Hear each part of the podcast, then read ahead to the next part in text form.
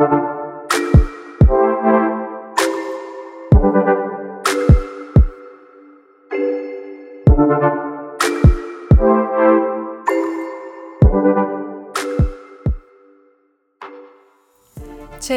Sürdürülebilirlik Podcast kanalından herkese merhaba. Ben Gökçe. Sürdürülebilirlik son zamanlarda her yerde duyduğumuz belki de en moda kelimelerden biri.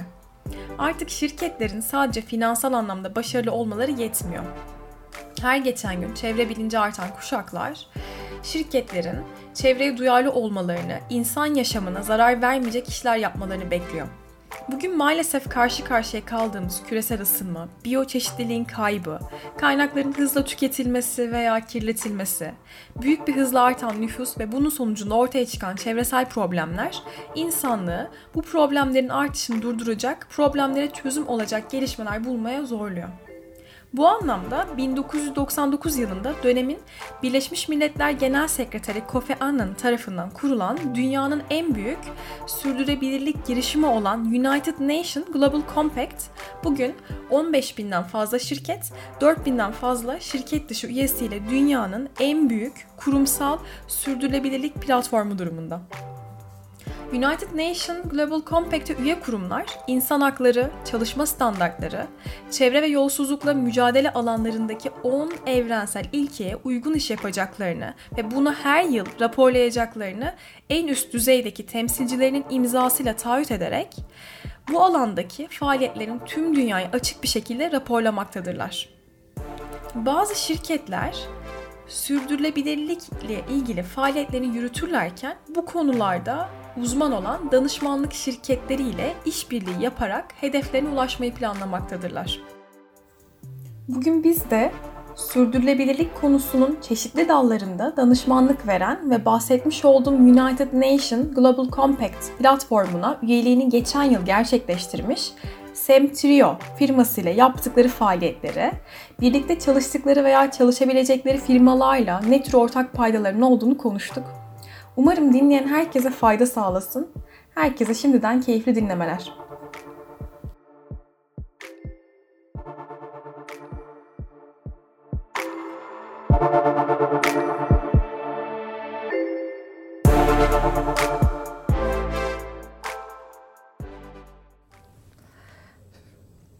İlker Bey merhaba. Çevresel Sürdürülebilirlik Podcast kanalına hoş geldiniz. Burada olduğunuz için çok teşekkür ederim. Bugün sizin kurucu ortaklarından olduğunuz Semtrio firması ve verdiği hizmetler hakkında sohbet edeceğiz. Sohbetimize başlamadan önce kısaca hem kendinizi hem de Semtrio firmasını tanıtabilir misin? Evet, teşekkür ederim Gökçe. Ee, ben de podcast'e katıldığım için memnun oldum. Ee, öncelikle kendimden bahsetmek gerekirse ben Sabancı Üniversitesi ekonomi mezunuyum. Ee, uzun bir süre banka verici kurumlarda, hazinelerde çalıştım hazine departmanlarında. 2016 yılında e, Bekir'le beraber, e, Bekir Çetin'le Semtio'yu kurduk. 2016 yılından itibaren de sürdürülebilirlik alanında uçtan uca tüm sürdürülebilirlik alanlarını kapsayacak şekilde faaliyet göstermeye devam ediyoruz. Çok teşekkür ederim. Öncelikle Semtio firması sektörde benim çok saygı duyduğum firmalardan bir tanesi. Bunu rahatlıkla söyleyebilirim. Bunun temel sebeplerinden biri Semtrio'nun Türkiye'de en yüksek puana sahip B Corp sertifikalı şirket olması. Bence bu çok etkileyici. Soru kısmına gelirsek B Corp sertifikasının ne olduğundan, hangi firmaların B Corp sertifikası alabileceğinden, B Corp üzerinde puanlamanın nelere dikkat edilerek yapıldığından bahsedebilir misiniz? Bir de Türkiye'de en yüksek puanın sizde olmasına nelere borçlusunuz? Evet, e, şimdi güzel bir soru. E, biz e, B Corp'a e, şirket kurduğumuz günden beri müracaat etmeyi planlıyorduk. Hı hı. Ama şirketin büyüme süreçleri e, tabii bizim hı. hayal ettiğimiz gibi ilk başlarda bu kadar hızlı olmadı. Hı hı. Ama belirli bir e, seviyeye geldikten sonra e, biz de B Corp müracaatlarımızı yaptık. E, B Corp 5 e, ana başlıkta hı hı. E, şirketleri değerlendiriyor. B Corp olmak için aslında bir fayda sağlayacak hı. Bir şirket olmanız gerekiyor. Yani ticari misyonların ötesinde aslında toplumsal faydaya, çalışan hı. faydasına, ondan sonra çevresel faydaya, müşterilerinize ne katıyorsunuz? Bunlara bakan aslında hı hı. E, yönetim anlamında da değerlendirmeler yapan bir platform. E, biz B Corp'taki aslında en yüksek puan almamızın sebebi hı hı. burada B Corp'taki bizim profil sayfamızda da incelerseniz hı hı. orada worker kısmını göreceksiniz. Hı hı. buradaki çalışanların çalışma kalitesi anlamında hı hı. çok ciddi nasıl diyeyim iyileştirmeler yaptık. Hı hı. Burada birçok çalışanımıza süreçler içerisinde ortaklıklar da verdik. Harika. Dolayısıyla bunlar da çok fazla hı hı. bize katkı sağladı. Çalışan konfor açısından hı. çok yüksek puan aldık bir korkta. Oh, süper. Çok hı. güzelmiş gerçekten. Peki ben diğer sorumla devam ediyorum.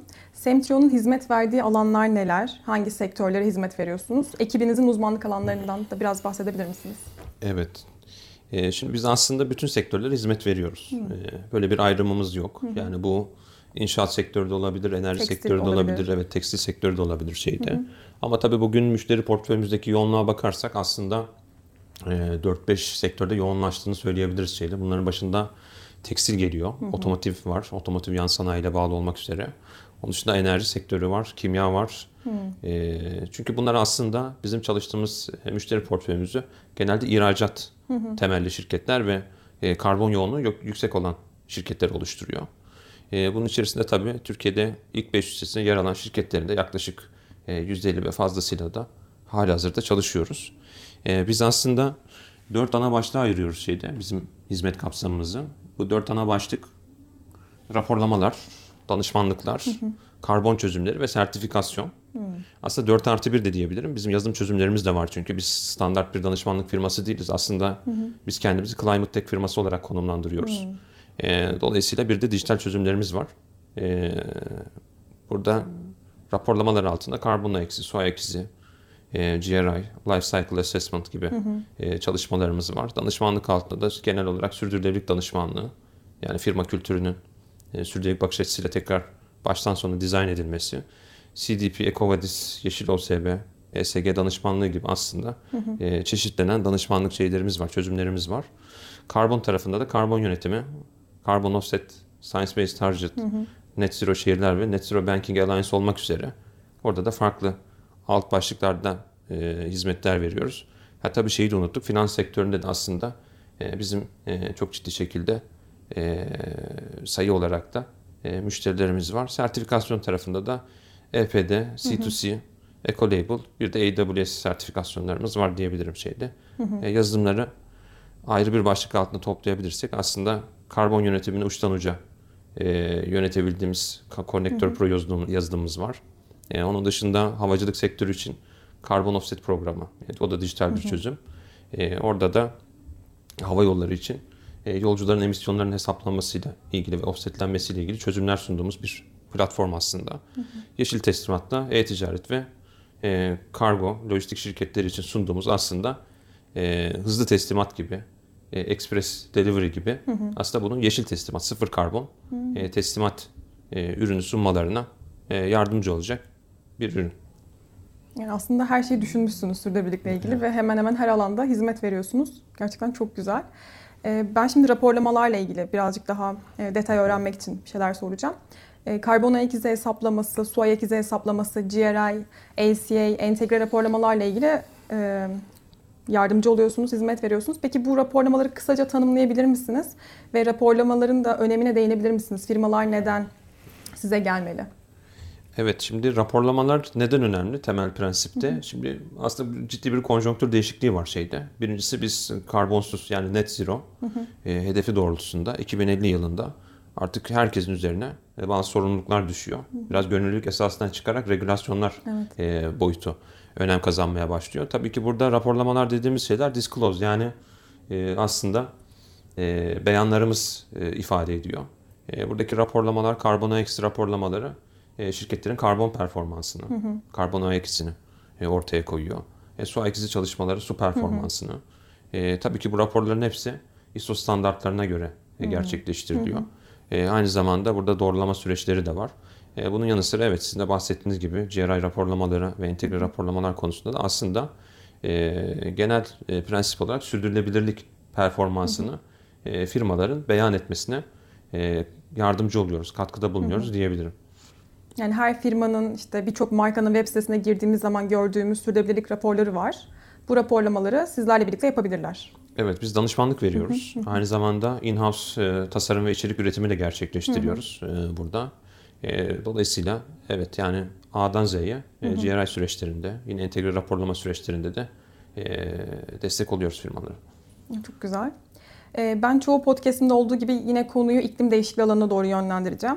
İklim değişikliğiyle mücadele, karbon emisyonlarının azaltılması günümüzün en önemli gündemlerinden. Bu kapsamda karbon yönetimi ve karbon offset alanında da hizmet veriyorsunuz. Bu konuları biraz açabilir misiniz? Evet biraz e, bazen anlatması zor olabiliyor. Ama karbon offset 101 gibi e, düşünürsek e, şeyde. Şimdi e, karbon ayak izi yani karbon salımı e, herhangi bir faaliyet sonucunda ortaya çıkabilir. Yani e, ben bugün işe gelirken bir araç kullandım ya da e, otobüse bindim, metroya bindim. E, buradaki aktiviteler sonucunda da aslında fosil yakıtlar e, yakıldığı için hatta elektrikli araç kullansanız bile e, şebeke elektriğinde e, yine o enerjinin üretilmesi için fosil yakıtlar kullanıldığı için karbon bazlı e, çevreye bir emisyon e, çıkıyor. E, biz bunu e, hesaplıyoruz. Yine e, kurumsal şirkette de bu bir imalatçı olsun ya da bir ofis ortamında e, çalışılsın ısınma e, faaliyetleri çerçevesinde ondan sonra elektrik ihtiyaçlarının karşılanması, hı hı. üretilmesi anlamında e, ciddi e, emisyonlar ortaya çıkıyor. Hı hı. E, bunların e, belli bir noktada aslında e, dengelenmesi amacıyla karbon offset mekanizmaları hı hı. kurulmuş durumda. E, bu mekanizmaların en başında aslında Birleşmiş Milletler var. Clean Development Mekanizm dediğimiz aslında e, 200'ün üzerinde metodolojiyle hı hı. karbon azalım projeleri e, sunulabiliyor. E, bunlar iki başlıca kuruluş var. Farklı farklı organizasyonlar da var ama en bilindikleri söylemek gerekirse e, Gold Standard ve Voluntary Carbon Standard dediğimiz VCS tarafından karbon azalım projeleri akredite ediliyor. Akreditasyonlar ne demek? E, ondan da bahsedeyim. Bir örnek vermek gerekirse bir yatırımcı rüzgar enerji santrali kurmuş olsun. Orada 10 megawattlık bir elektrik enerjisi üretileceğini varsayalım her sene. Normal şartlar altında bu elektrik enerjisi e, fosil yakıtlardan üretilebilirdi. Doğalgaz kullanılabilirdi, Hı. kullanılabilirdi, kömür kullanılabilirdi. E, burada aslında e, akreditasyon kuruluşları şuna bakıyor. E, dünya ortalamasına baz alarak aslında 10 megawatt enerji e, eğer fosil yakıtlardan üretilseydi hı E, doğaya 100 bin ton. E, bunları tabii örnek olarak hı veriyorum şimdi bu sayıları.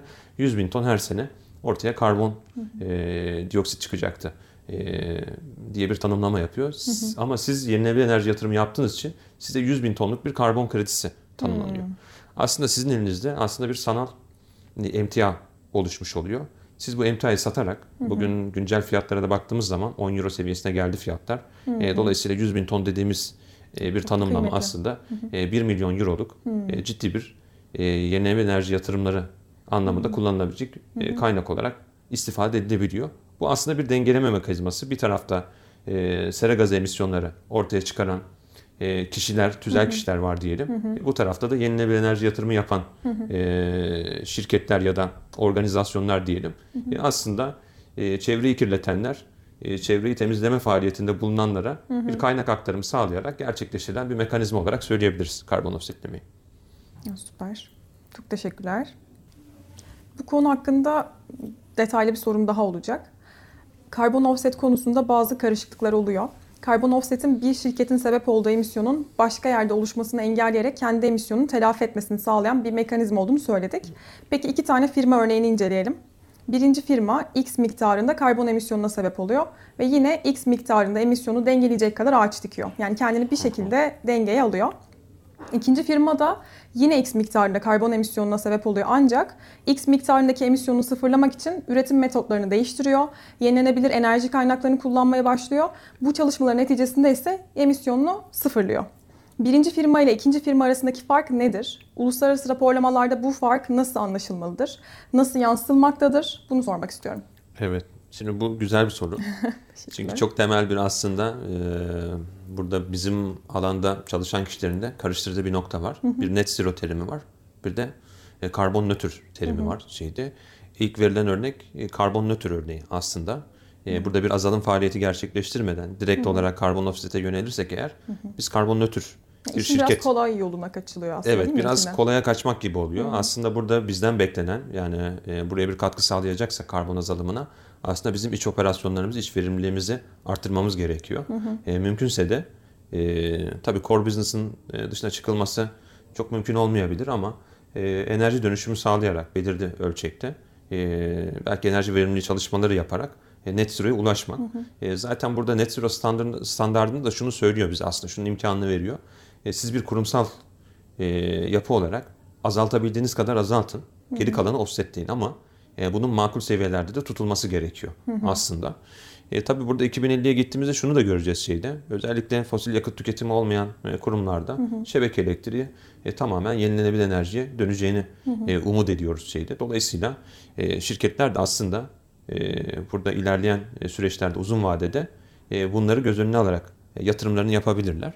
E, karbon nötr kısmına geldiğimiz zaman da aslında sizin de söylediğiniz gibi hiç de hiçbir hı hı. E, emisyon azalım faaliyeti hı hı. E, gerçekleştirmeyen firmalar kolay yolu hı hı. E, seçip bunu tercih edebilirler ama burada da aslında şeyler olacak. Yani artık finansal anlamda e, net zero hedefi koymayan şirketlerin e, krediye ve finansmana ulaşımı hı hı. zorlaşacak. Hı hı. E, dolayısıyla bu da Güzel yavaş yavaş kolay hı hı. tercih edilebilir bir yöntem olmanın hı hı. dışına çıkacak gibi görünüyor.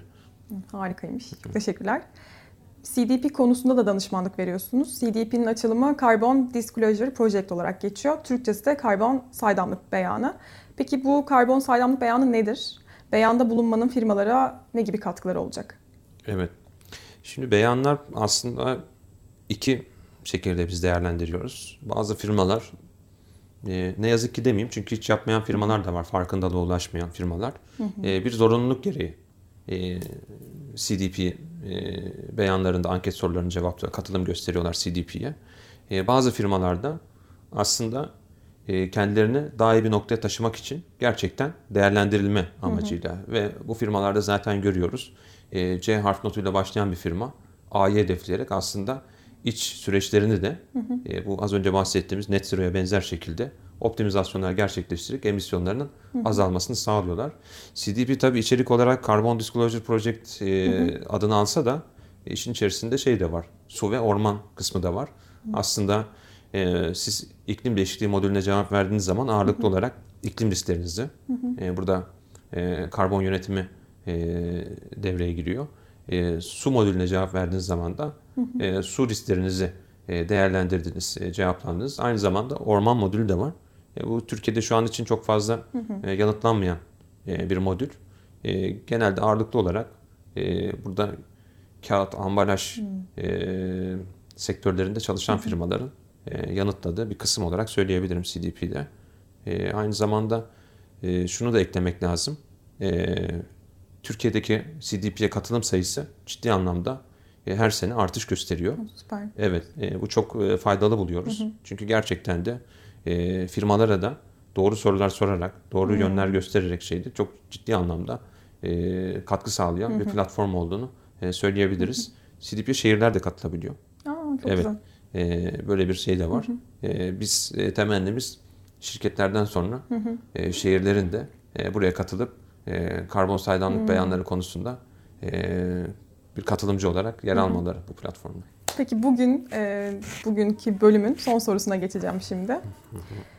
Sizin yazılım hizmetleriniz de var ve bence asıl bu kısım gerçekten etkileyici çünkü bir şey üretmişsiniz. Evet. E, firmaların arka tarafta işte yazılımcılar çalıştırarak bir ürün ortaya koymuşsunuz. Bu yazılımlardan da biraz bahsedebilir misiniz?